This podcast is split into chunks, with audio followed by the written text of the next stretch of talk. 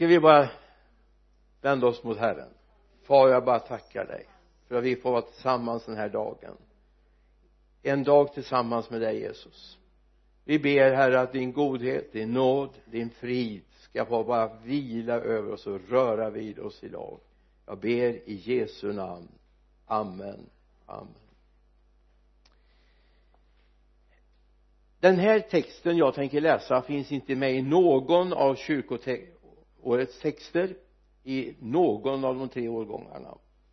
Och jag tycker det här är adventstexternas adventstext. Det är min uppfattning. Så därför så väljer jag att läsa den. Vi går till apostlagärningarnas första kapitel. Ska jag läsa några versar där? Vi börjar på vers 9 när jag hade sagt detta såg de alltså Jesus hur han lyftes upp och ett moln tog honom ur deras åsyn. Medan de såg mot himlen dit han steg upp stod plötsligt två män i vita kläder hos dem. De sa Galileer varför står ni och ser mot himlen? Denne Jesus som togs upp från er till himlen han ska komma tillbaka på samma sätt som ni såg honom stiga upp till himlen. Amen. Denne Jesus som togs upp från er till himlen han ska komma tillbaka på samma sätt som ni såg honom stiga upp till himlen. När jag har läst igenom, ja nu fuskar jag lite med det jag ska ha i eftermiddag i Lidköping? Men när jag har tittat på bibeltexterna så hos Paulus finns det en del om hur vi ska leva det kristna livet här och nu.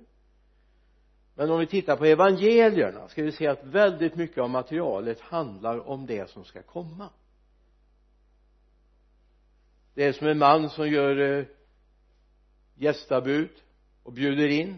Det är bröllopsfesten det är när vi ska stå och göra räkenskap det är så otroligt mycket material som handlar om den tillkommande det som ska komma. Han ska komma tillbaka. Så för mig har advent blivit väldigt mycket präglat av detta. Inte fyra veckor till jul utan ett antal dagar till Jesus kommer tillbaka. Ingen av oss vet hur länge samtidigt kan vi väl konstatera att när vi är ute i affärer när vi rör oss i samhället idag så är det väl ingen som har missat att det snart är jul. Affärsidkarna är bra på att börja påminna oss redan i oktober så vi inte ska missa att det blir jul. Man eh, har en del jippon för att få oss att köpa. Och jag tycker mig ha gjort en analys. När jag för 25-30 år sedan mötte reklamen om det som skulle komma så försökte det liksom spela på mitt dåliga samvete. Du har väl inte missat den gamla faster som du inte hälsat på på hela året? Kanske du borde gå dit med en blomma eller en present? En chokladkartong eller en tårta eller någonting? Eller den där avlägsne släktingen som du faktiskt nästan missat att hon eller han finns? Du får ju inte missa det nu är det jul han kanske eller hon är ensam. Så det såg ut för 25 år sedan. Reklam. Dagens reklam riktar sig faktiskt till oss som konsumenter inte för att ge bort utan det handlar om egoismen. Unna dig någonting det är ju ändå jul. Det är ju ändå nu unna dig någonting ja det är klart du kan ju köpa någonting till frun eller barnen också men men unna dig någonting. Eller gör det på det sättet att du köper en resa till familjen en upplevelse någonstans. Jul har blivit kommersialismens helg. Ja det har varit i många år i och för sig. Men det tenderar att bli mer och mer det Black Friday till exempel. Unna dig kosta på dig nu var det inte Black Friday längre utan nu är det Black Week. Inte bara weekend utan hela, hela veckan. Man börjar mitt i den ena veckan och slutar i mitten av den andra veckan. Och sen hade man väldiga annonseringar. Vi som har Facebook och Instagram vi överöstes av reklam. Vi fick ju lite koll på det här förra söndagen om hur det här med Facebook och Instagram fungerar. För du kan bli lite förvånad. Oj visste eh, affärsinnehavaren här i stan om att jag hade Facebook? Ja det visste han. Eller det företaget den kedjan de är inblandade i. Du får ju inte reklam om någonting som de säljer upp i Kiruna. Utan du får här i det här området. Alltså vi har helt tappat bort det här handelsanställda gick ut häromdagen och gjorde affärs eller de som jobbar i affärerna börjar bli trötta på all julmusik. Och det är klart hör man samma låt 58 gånger på samma dygn så klart man kan bli lite trött på den va? Och har man då lite ljudnivå som är lite väl hög så kanske det blir jobbigt. Jag älskar jul men jag älskar inte all kommersialism. Inte detta att jag ska unna mig någonting. Missa inte. Nu är det ett extra erbjudande. Att de sen har höjt priserna. Jag kom också en utredning om häromdagen. Att man har höjt priserna under någon månad här lite sakta. Så att när man nu säger att man säljer ut ett extrapris eller reapris eller vad det heter så är man nere på normalpris. Men det här går vi ju på det är ju 20 procent. På vilket pris? Vad var grundpriset egentligen? Vi har fyra veckor på oss nu. 29 dagar. Så är det julafton. Då blir det väl 22 dagar till julafton. Ja just det. Det blir det ja. Och 23 till till juldagen. Det är ju själva högtiden eller hur? Vad gott det är väl juldagen som är viktig inte julafton eller hur?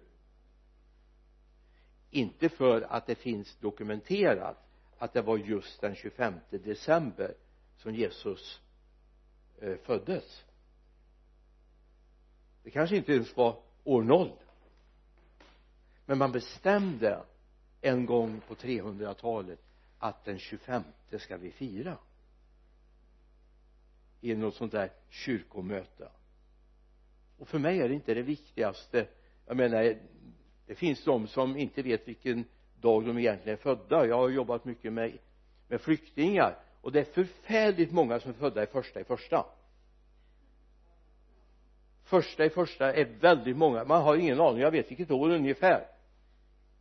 Och så när man kommer till Sverige då måste man ju bestämma. Du kan inte vara född då och då och då utan du måste vara född på en speciell dag.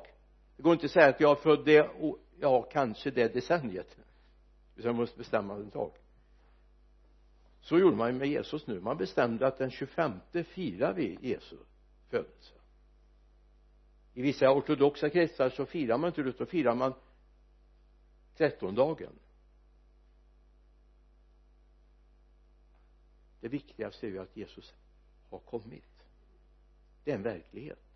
Och faktum är att vi kan konstatera att det finns dokumenterat både om stjärnan med ganska stor sannolikhet vilka stjärnor som just då lyste som de här vise männen såg. Man har kunnat konstatera att det föddes faktiskt i Betlehem en liten pojke vid den här tiden ute i ett stall. Så det kan man inte säga. Jag menar okej okay, man kanske inte tror att det var Guds son att han var född på det sättet men vi tror på miraklet, eller hur? Vi tror att Gud har möjlighet att göra det här miraklet så att han var född genom Guds ingripande och genom en kvinna. Visst. Det är okej. Okay. jag behöver inte fatta hur det gick till. Jag vill bara konstatera att Gud är inblandad då kan allting hända, eller hur? Va? Är det inte så? Guds son Jesus blev människa. Helt övernaturligt, han blev människa. Han kom till det som var hans säger Johannes prologen. Han kom till det som var hans. Men de tog inte emot honom. Men åt alla dem som tog emot honom gav han rätten att bli Guds barn. Det finns många märkliga saker runt det här. Jag menar man kan tycka att det är lite sådär bara händer. Men Gud har koll på vad som händer. Så när vi läser i Lukas evangeliets eh, andra kapitel vers 27 så läser vi om Simon som av anden blir påmind om nu ska du dra iväg till templet. Ledd av anden kom han till templet och när föräldrarna bar in barnet Jesus för att göra med honom som man brukar enligt lagen. Tog han honom i sina armar och prisade Gud och sa Herre nu låter du din tjänare gå hem i frid. Så som du har lovat. För mina ögon, ögon har sett din frälsning som du har berett inför alla folk. Ett ljus med, med uppenbarelse för hedningarna och härlighet för ditt folk Israel här kommer de precis. De ska gå till templet säger anden till Simon. Nu ska du dit. Vi har en deal du och jag. Du ska få se frälsningen innan jag tar hem dig. Nu kan jag fara hem i frid. Varför då? Jag har sett din frälsning. Jag har sett den. Han bekänner det direkt. Vi skulle kunna tala om änglarna där ute på ängen och vi kan tala om herdarna som kommer till Betlehem i rätt tid. Och konstaterar så det här vet vi. Det här kan vi till och med titta i historieböckerna och konstatera det här har hänt. Vi läser det evangelierna vi vet att det har hänt. Och nu står vi inför nästa fas i världshistorien. Han ska komma tillbaka. Jesus ska komma igen. Och det tycker jag är adventshälsningen vi vet. Lärjungarna stod och tittade upp galileerna såg hur Jesus lyftes upp. Och som en grabb sa att de såg bara fotsulorna på honom. Han försvann in i molnet. Och så kommer ängeln änglarna och säger att varför står ni här och tittar uppåt? Han som togs upp ska komma igen på samma sätt fundera kanske gamla tv-reportern Lars Orup hade rätt. När han frågar honom inför sin pensionering om det var något reportage som han inte fick göra som han skulle vilja ha gjort. Ja sa han. Jag skulle vilja vara på Oljeberget när Jesus kommer tillbaka. Jag skulle velat vara på Oljeberget när Jesus kommer tillbaka. Till och med hos honom har det här landat. Det var inte något fejk utan han tyckte så. Han skulle velat varit med när Jesus kommer tillbaka. Jesus har en hälsning till oss. När han står med Sackeus. Sackeus som var illa omtyckt till dess i Jeriko. Han har säkert tagit in ett och annat för mycket i eh, tull haft fel taxa. Men det händer någonting i hans hjärta och så konstaterar Jesus i Lukas 19 vers 10 människosonen är kommit för att söka upp och frälsa det som var förlorat. Det var hans uppgift, hans mission när han gick här på jorden. Uppsöka frälsa det förlorade. Alltså hela skapelsen var hans uppgift ordet advent finns inte i bibeln. Men det visste du redan, eller hur? Begreppet finns inte. Men temat, innehållet finns i en mängd. Berättelser om han ska komma tillbaka. Egentligen är det lite märkligt att kyrkan har lyckats glömma det som bibeln talar så mycket om. Jesus ska komma tillbaka var beredd. I en stund när ni inte väntar det kommer han och så vidare va? Eller man ska skilja fåren från getterna.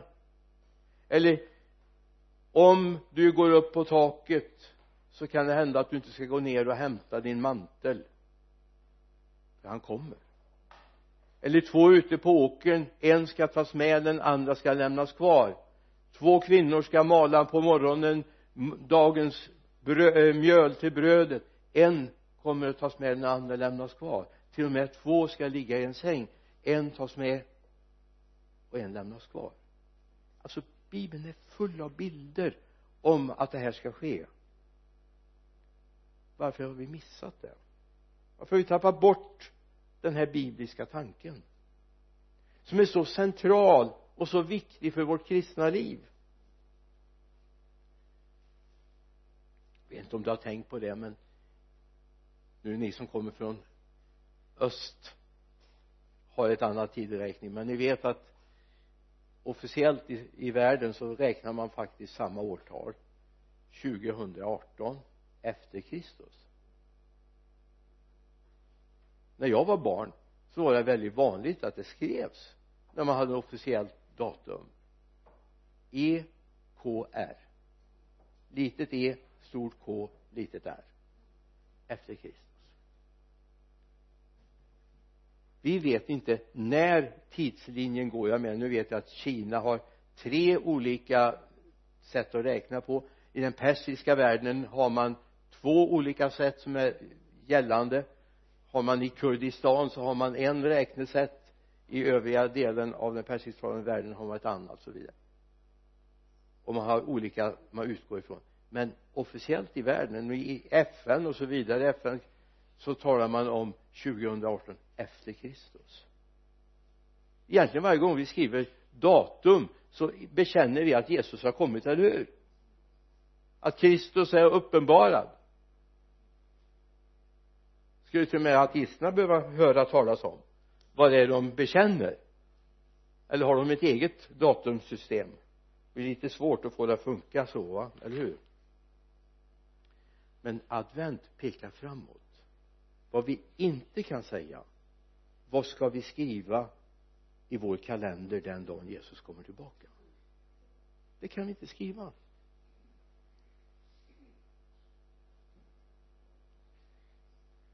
Jag vet bara en sak. Det är att vår frälsare hade ett bönämne när han gick här på jorden. Jag vet inte om du har noterat det om du går med mig till Johannes 17 där vi kallar för hans översteprästliga förbön. Vers 24 har blivit en sån här nyckelvers i mitt liv. Och som jag ofta ber utifrån. För jag ber att Jesus ska få bönesvar. När det gäller mig när det gäller dig när det gäller oss. Då ber han så här far jag vill att där jag är där ska också de som du har gett mig vara med mig. Låt dem få se min härlighet som du har gett mig för du har älskat mig före världens skapelse. Lyssna.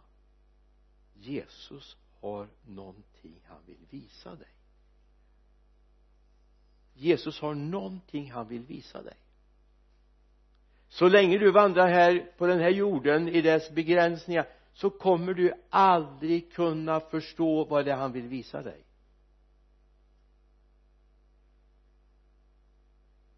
Jag tycker skolflickan eller söndagsskolflickan hade en väldigt bra förklaring på det här. De skulle förklara det här med att Jesus skulle komma tillbaka. Då förklarar hon det så här. Ja det är som när jag och min kompis leker. Vi är alltid hemma hos mig för eh, vi har det lite enklare och min mamma och pappa är inte så bekymrade om någonting går sönder. Hon bor i ett stort hus. Så är det med Jesus. Han är med mig. Men en dag ska han säga till mig du nu går vi hem till mig ska du få se allt jag har. Han är med oss. Men en dag ska han säga nu ska du få komma och se. Och det stämmer ju för att han vill att den härlighet som far i himlen har gett sonen vill han visa oss. Det finns någonting i himlen. Någonting i Guds värld som Jesus vill att du och jag ska få tag i och se. Få smaka uppleva. På vilket område det är jag vet inte. Jag vet bara att det är någonting. Paulus gör en liten sån här snabbresa upp till himlen vad läser om i Korinthierbrevet? Eller hur? Och det talas ord som inte han får uttala. Det finns saker som han inte får berätta. Det här präglade Paulus tänkande och hans värld. Advent talar om han ska komma tillbaka och följer du med mig till första Thessalonikerbrevets fjärde kapitel så tar Paulus upp det temat. Du kan läsa egentligen från vers 13 men jag kliver in i vers 15 vi säger er detta enligt ett ord från Herren. Vi som lever är kvar till Herrens ankomst ska alls inte komma före de insomnade. När en befallning ljuder en ärkeängels röst och en Guds basun då ska Herren själv komma ner från himlen och de som har dött i Kristus ska uppstå först. Därefter ska vi som lever kvar ryckas upp bland skyar tillsammans med dem för att möta Herren i rymden. Och så ska vi alltid vara hos Herren. Trösta nu därför nu varandra med dessa ord. Så trösta nu varandra med de här orden han ska komma tillbaka. Amen. Så vi kan känna oss trygga verkligen. Om den här jorden rasar samman vad gör det? Vi har en ny himmel och en ny jord. Där rättfärdighet bor.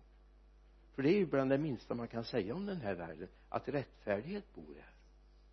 Men det kommer en sån värld och vi är predestinerade för att använda sådana här väldigt fint ord. Vi är förutbestämda för att vara med i den värld där Gud har gjort i ordning. Jesus har en bön. Far låt dem du har gett mig få vara med mig i himlen. Så att de ska få se den härlighet som du har gett mig. Och till och med hade de utväxlat det här innan världens grund var lagd innan den här skapelsen har blivit till så var han till i den här härligheten vår älskade Jesus va? Och hade han inte fått avkläda sig det så hade han inte kunnat vara i den här världen. Men nu är han iklädd den härligheten igen. Han är omgiven av den härligheten. Jag tänker lite grann så här som med Salomo. Du vet drottningen av Saba kommer till Salomo och säger jag har hört en mängd rykten om dig. Jag har hört hörsägner om dig. Men jag kunde ju inte tro att det var så fantastiskt. Till och med tjänarna vid ditt bord hade det långt mycket bättre än vad jag kunde föreställa mig. Jag vet inte vad du har för en bild av himlen. Låt mig bara säga du får nog lägga på en del. Du får nog lägga på en hel del jag vet inte vad du tänker. Ingen sjukdom. Ingen brännande sol. Inga översvämningar. Inga regn som kommer slå sönder någonting. Inga jordbävningar. Ingen ondska. Ingen sjukdom. Ja men det finns ju mycket som vi vet om redan. Ändå hävdar jag att det han har förberett för oss är så långt mycket högre, större, fantastiskare än vad vi kan tänka oss. Eller vi kan drömma. Det är fantastiskt att tänka sig att komma till en värld där det inte finns någon sjukdom. Inte ens solen har plats där. Jag vet inte om den är pensionerad då. För Gud fader själv är ljuset i den världen. Det finns murar runt det finns en gräns för var, var den här staden men inga portar de står öppna. Det finns ingen ondska. Det är nästan som när jag växte upp som barn. Man hade låset med för att tala om att vi inte är hemma. Så du är välkommen en annan gång. Kommer jag snart då satte man låset, eh, nyckeln i dörren och så kunde folk gå in och sitta och vänta tills man kom hem. Hade man hängt upp nyckeln på sidan av dörren då var signal jag är borta lite länge nu så det är inte lönt du kommer. Det är inte lönt att du går in och sätter på kaffet för jag är inte hemma på ett tag. Tänk att få komma till en plats där inte är låsen. Låsmedlen kommer inte ha något att göra. Ingenting. Det finns bara godhet. När änglarna står där och talar med de här lärjungarna som väl bryt funderar på är allt över nu? Vi ska komma ihåg att de lärjungar som har vandrat med Jesus de hade bakgrund de visste hur det hade varit med seloterna de visste hur det hade varit tidigare. Det ploppade upp och så försvann det. Är det över nu. Han som var så underbar som vi gav livet för är det över nu? Där står de och ser Jesus lämnar dem. Och så får de höra Galileer varför står ni och ser mot himlen? Denne Jesus som togs upp ifrån er till himlen han ska komma tillbaka på samma sätt som ni såg honom stiga upp till himlen.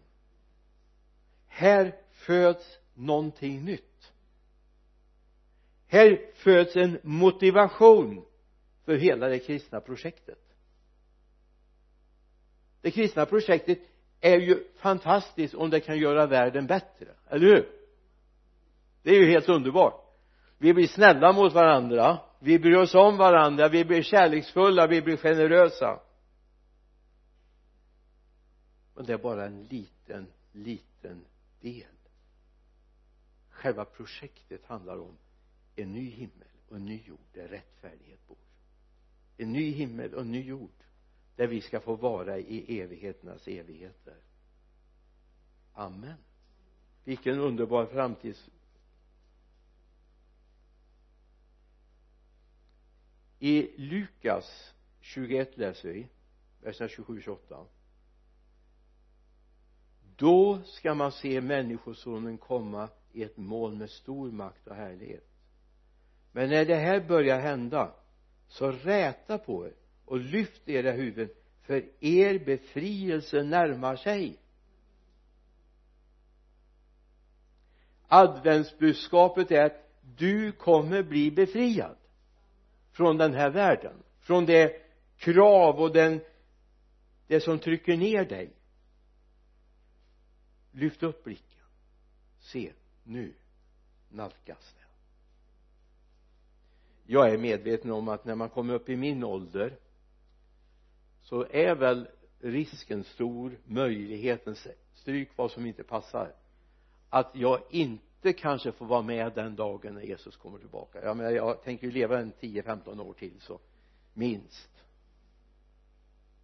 Hörde om en 105-åring som levde och var ganska, ganska gott mod? Och det kanske kunde vara någonting då. Men eh, jag kanske inte har det kan hända att jag får gå via graven. Men jag lever ändå med det hoppet. En dag kommer han tillbaka och då ska till och med de döda uppstå och få nya kroppar. Så var inte så bekymrad om din kropp kommer förmultna som alla andras kroppar. Du ska få en ny kropp. Du kommer uppstå till ett nytt väsen i liv. En ny verklighet. Mitt i det här så säger Jesus någonting i Matteus 24 vers 42 och några verser framöver. Var därför vakna för ni vet inte vilken dag er herre kommer. Men det förstår ni att om husaren visste när på natten tjuven kom då hade han hållit sig vaken och inte låtit någon bryta sig in i hans hus var därför beredda också ni för i en stund när ni inte väntar det kommer människosonen.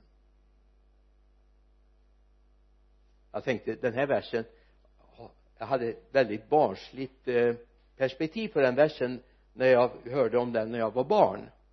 Jag satt tillsammans med mamma och pappa och visste jag ju inte om jag var riktigt färdig för att få följa med till himlen. Jag var lite osäker på det hur jag hade med frälsnings visshet och sådana här saker. Det är inte så lätt när man är sex sju år va? Men jag löste det väldigt bra.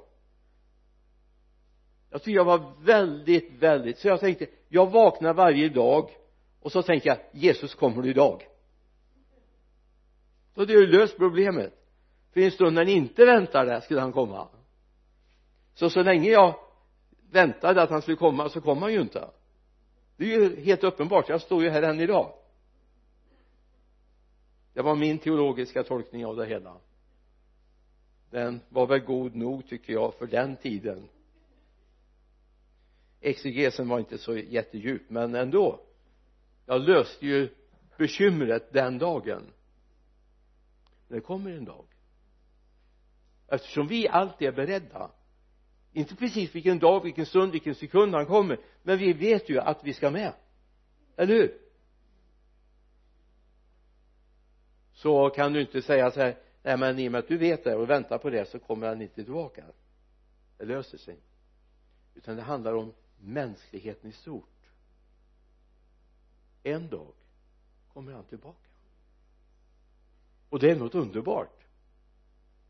Jag menar jag vet inte vad du tycker är det allra viktigaste som finns i livet och det roligaste du kan göra. Åka till Liseberg eller Sommarland eller Kapverdjöarna eller vad det nu kan vara som är underbart.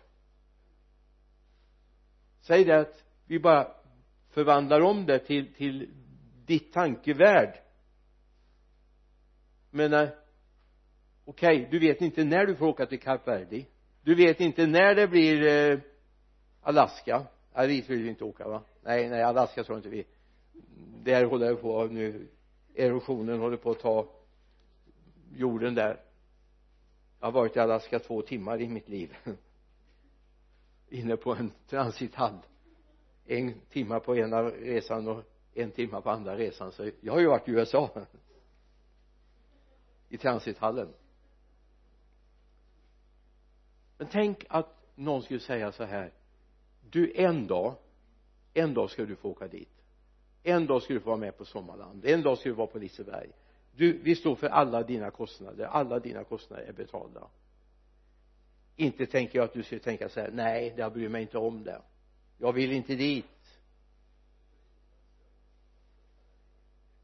Vi, vi dras inte dit. Jo naturligtvis. Även om jag inte vet när det kommer att hända. Paulus hade en alldeles speciell hållning till det här. En alldeles speciell hållning det låter på Paulus som han skulle kunna bestämma själv. När han ska flytta hem. Vi har två bibelord som är väldigt tydliga på det här. Filipperbrevets första kapitel vers 21 för mig är livet Kristus och döden en vinst. Men om livet här i kroppen innebär att mitt arbete bär frukt då vet jag inte vad jag ska välja. Jag dras åt båda hållen jag har en längtan att bryta upp och vara hos Kristus. Det vore mycket bättre. Men för er skull är det mer nödvändigt att jag lever kvar här i kroppen. Det är jag övertygad om och jag vet att jag ska få leva och vara kvar här hos er alla och hjälpa er till framsteg och glädje i tron. Jag dras åt båda hållen jag dras åt båda hållen. Kunde han bestämma? Kunde han bestämma att nu flyttar jag herre? Nu kommer jag hem till dig. Jag bara konstaterar han resonerar i de termerna. Och går vi då till eh, andra korinthierbrevet. Det femte kapitlet verserna 6 och 10 därför är vi alltid vid gott mod även om vi vet att vi är borta från Herren så länge vi är hemma i kroppen. Vi lever här i tro utan att se men vi är ändå vid gott mod och skulle hellre flytta bort från kroppen och vara hemma hos Herren. Därför sätter vi nära att vara till behag för honom vare sig vi är hemma eller borta. Vi måste alla träda fram inför Kristi domstol för att var och en ska få igen vad han har gjort här i livet gott eller ont. Här präglas också det här oj vi har ett val. Vi skulle helst flytta bort. Jag vet inte om det är den känslan du har. Jag ska inte säga att jag har den heller. Jag älskar att leva. Så länge jag får vara med här i livet och göra någonting för Herren så vill jag vara med men det är klart samtidigt finns det en längtan och en nyfikenhet. Herre hur blir det hemma hos dig? Jag vet inte om du har tänkt på det att det är det som finns hos dig. Vad ska jag välja säger Paulus. Flytta hem till Herren. Eller vara kvar på jorden. Och så kommer han fram till jag väljer för jag behövs här ett tag till. Ta med den tanken. Det här säger kanske inte att Paulus kunde välja när han skulle flytta hem. Men det säger någonting om hans förhållningssätt till himlen. Till den eviga världen. Nu vet vi precis som jag nämnde från i början Paulus hade ett speciellt hållningssätt till himlen. Alla har inte det hållningssättet. Han hade varit där. Jag vet om en man som för 14 år sedan. Du har det i andra Korintierbrevet 12 kapitel vers 2 jag vet om en man som i Kristus som för 14 år sedan blev uppryckt ända till tredje himlen. Om det var kroppen eller utanför kroppen vet jag inte. Gud vet. Jag vet att den mannen om det var i kroppen eller utanför kroppen vet jag inte. Gud vet blev uppryckt till paradiset och fick höra ord som ingen människa kan eller får uttala. Han hade alltså en speciellt hållningssätt till himlen. Alltså den som har sett det himmelska den längtar. Den som har mött Gud för alla får inte åka upp till tredje himlen varken idag eller för 14 år sedan. Med eller utan kroppen. Alla får inte göra den resan. Men alla får möta Gud. Möta den härlighet som finns hos honom. Den son som har förvandlat hans liv. Det borde ge samma längtan. Jag menar jag vet också jag, jag brinner också för att vara kvar. Jag eh, tycker att det är underbart att leva så länge man får vara med och tjäna Gud. Mycket av det andra har jag inte så stora intressen av. Men få se människor ta emot Jesus till frälsning. Att få se människor göra andliga erfarenheter. Se församlingar växa. Utvecklas i tjänst. Inte bara i antal utan i tjänst. Så länge vill jag också vara med. Men en dag då är jag mätt på det. Då kommer jag föra samma resonemang. Herre kanske det vore bättre nu att jag flyttar hem. Jag slipper massa verk i kroppen och det här vad som kommer med åren. Ni är så unga så ni har inte drabbats av det än men vi som är mogen ålder och lite övermogna vi börjar känna av att kroppen är till stora problem. Så visst skulle det kunna vara skönt ingen sjukdom, inget lidande, ingen verk någonstans. Klar syn på båda ögonen. Bara en sån sak. Men jag har mött honom. Jag har inte varit där. Men jag har mött honom. Jag går tillsammans med honom. Jag pratar med honom varenda dag. Jag får säga är det någon jag kan säga är min allra mest förtrogna och min allra tryggaste vän? Så är Jesus. Vi umgås varje dag. Vänner som umgås ofta de vill lära känna varandra. Han har känt mig sedan innan och utan sedan många år tillbaka. Och jag börjar ana vem han är. Djupen finns där. Fantastiskt att få vara med honom. I den här världen i det här sammanhanget. Titta lite på klockan här andra Petrusbrevets tredje kapitel. Så tycker jag Petrus har en lösning på varför inte Jesus har kommit tillbaka än. Jag vet inte om du har funderat på det. Det här är antagonisternas stora anmärkning. Ja men det här har ni pratat om ända sedan världens princip blev till. Att Jesus ska komma tillbaka. Det har ju inte hänt än de har inte läst andra Petrusbrevets tredje kapitel med början på vers 9 Herren dröjer inte med att uppfylla sitt löfte så som en del menar.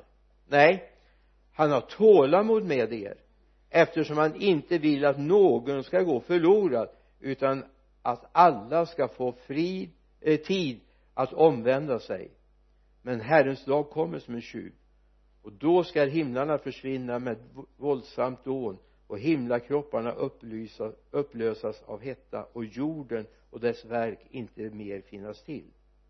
När nu allt detta går mot sin upplösning hur heligt och gudfruktigt bör ni då inte leva medan ni ser fram emot Guds dag och påskyndar dess ankomst?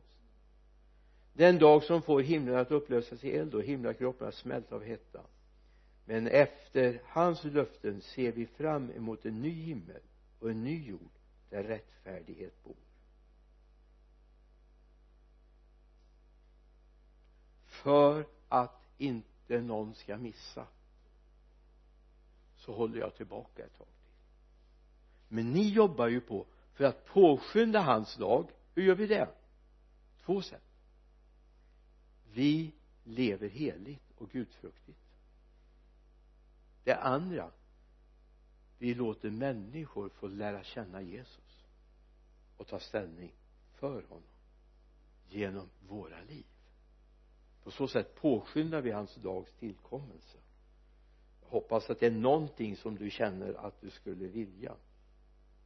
När vi får tag i det här så är det som löparen som har löpt en lång, lång, lång ett maraton till exempel. När den får höra nu är det bara en kilometer kvar. Då får man nya krafter. Jag hörde om någon som fick rapporter efter resan men de fejkade lite grann. Han hade över en mil kvar och sa du vet det är bara någon kilometer kvar så nu orkar du. Och sen eh, efter ett tag sa de ja men nu är det, nu är det ännu färre kilometer kvar. Och så orkar han imorgon det här behöver vi också. Om vi ska kunna leva heligt och överlåtet till honom så behöver vi ha ett pejl på vi har ett mål vi ska fram till.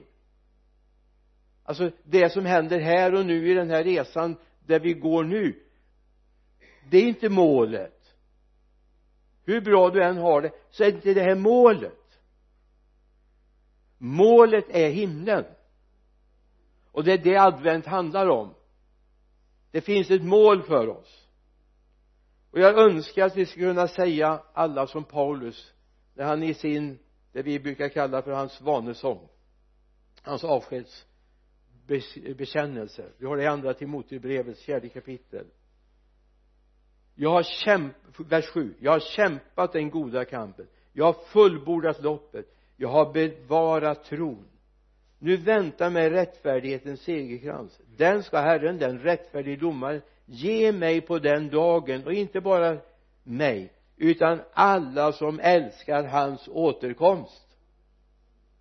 Alla som älskar hans återkomst.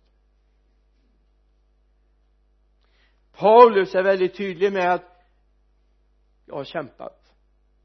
Jag har bevarat tron. Och nu väntar jag på rättfärdighetens segerkrans den ska jag få. Men inte bara jag. Utan alla som väntar på hans återkomst. Alla som väntar på att Jesus ska komma tillbaka ska få segerkransen hur det går för de som inte väntar. Det löser inte det här bibelordet. Men det står att vi som väntar och älskar hans återkomst vi ska få segerkransen för oss är det färdigt frågan är är du färdig för att få segerkransen? Om vi vet att målet kommer vi vet att det är en verklighet ja, men jag vet det finns många kristna. De var hängivna Jesus för 5, 10, 15, 20 år sedan. Men så hände det ingenting. Man hade inte läst andra Petrusbrevets tredje kapitel varför han dröjde som man gav upp hoppet. Man gav upp hoppet. Det fanns snabbare saker att uppleva den här tiden att kassera in häftiga grejer. Men en dag när vi har vandrat färdigt så kommer den här. En del genom att vi får avsluta vårt liv och komma till paradiset. Eller att vi får vara kvar här och vi kan skåda uppåt och se där kommer han. Där kommer han.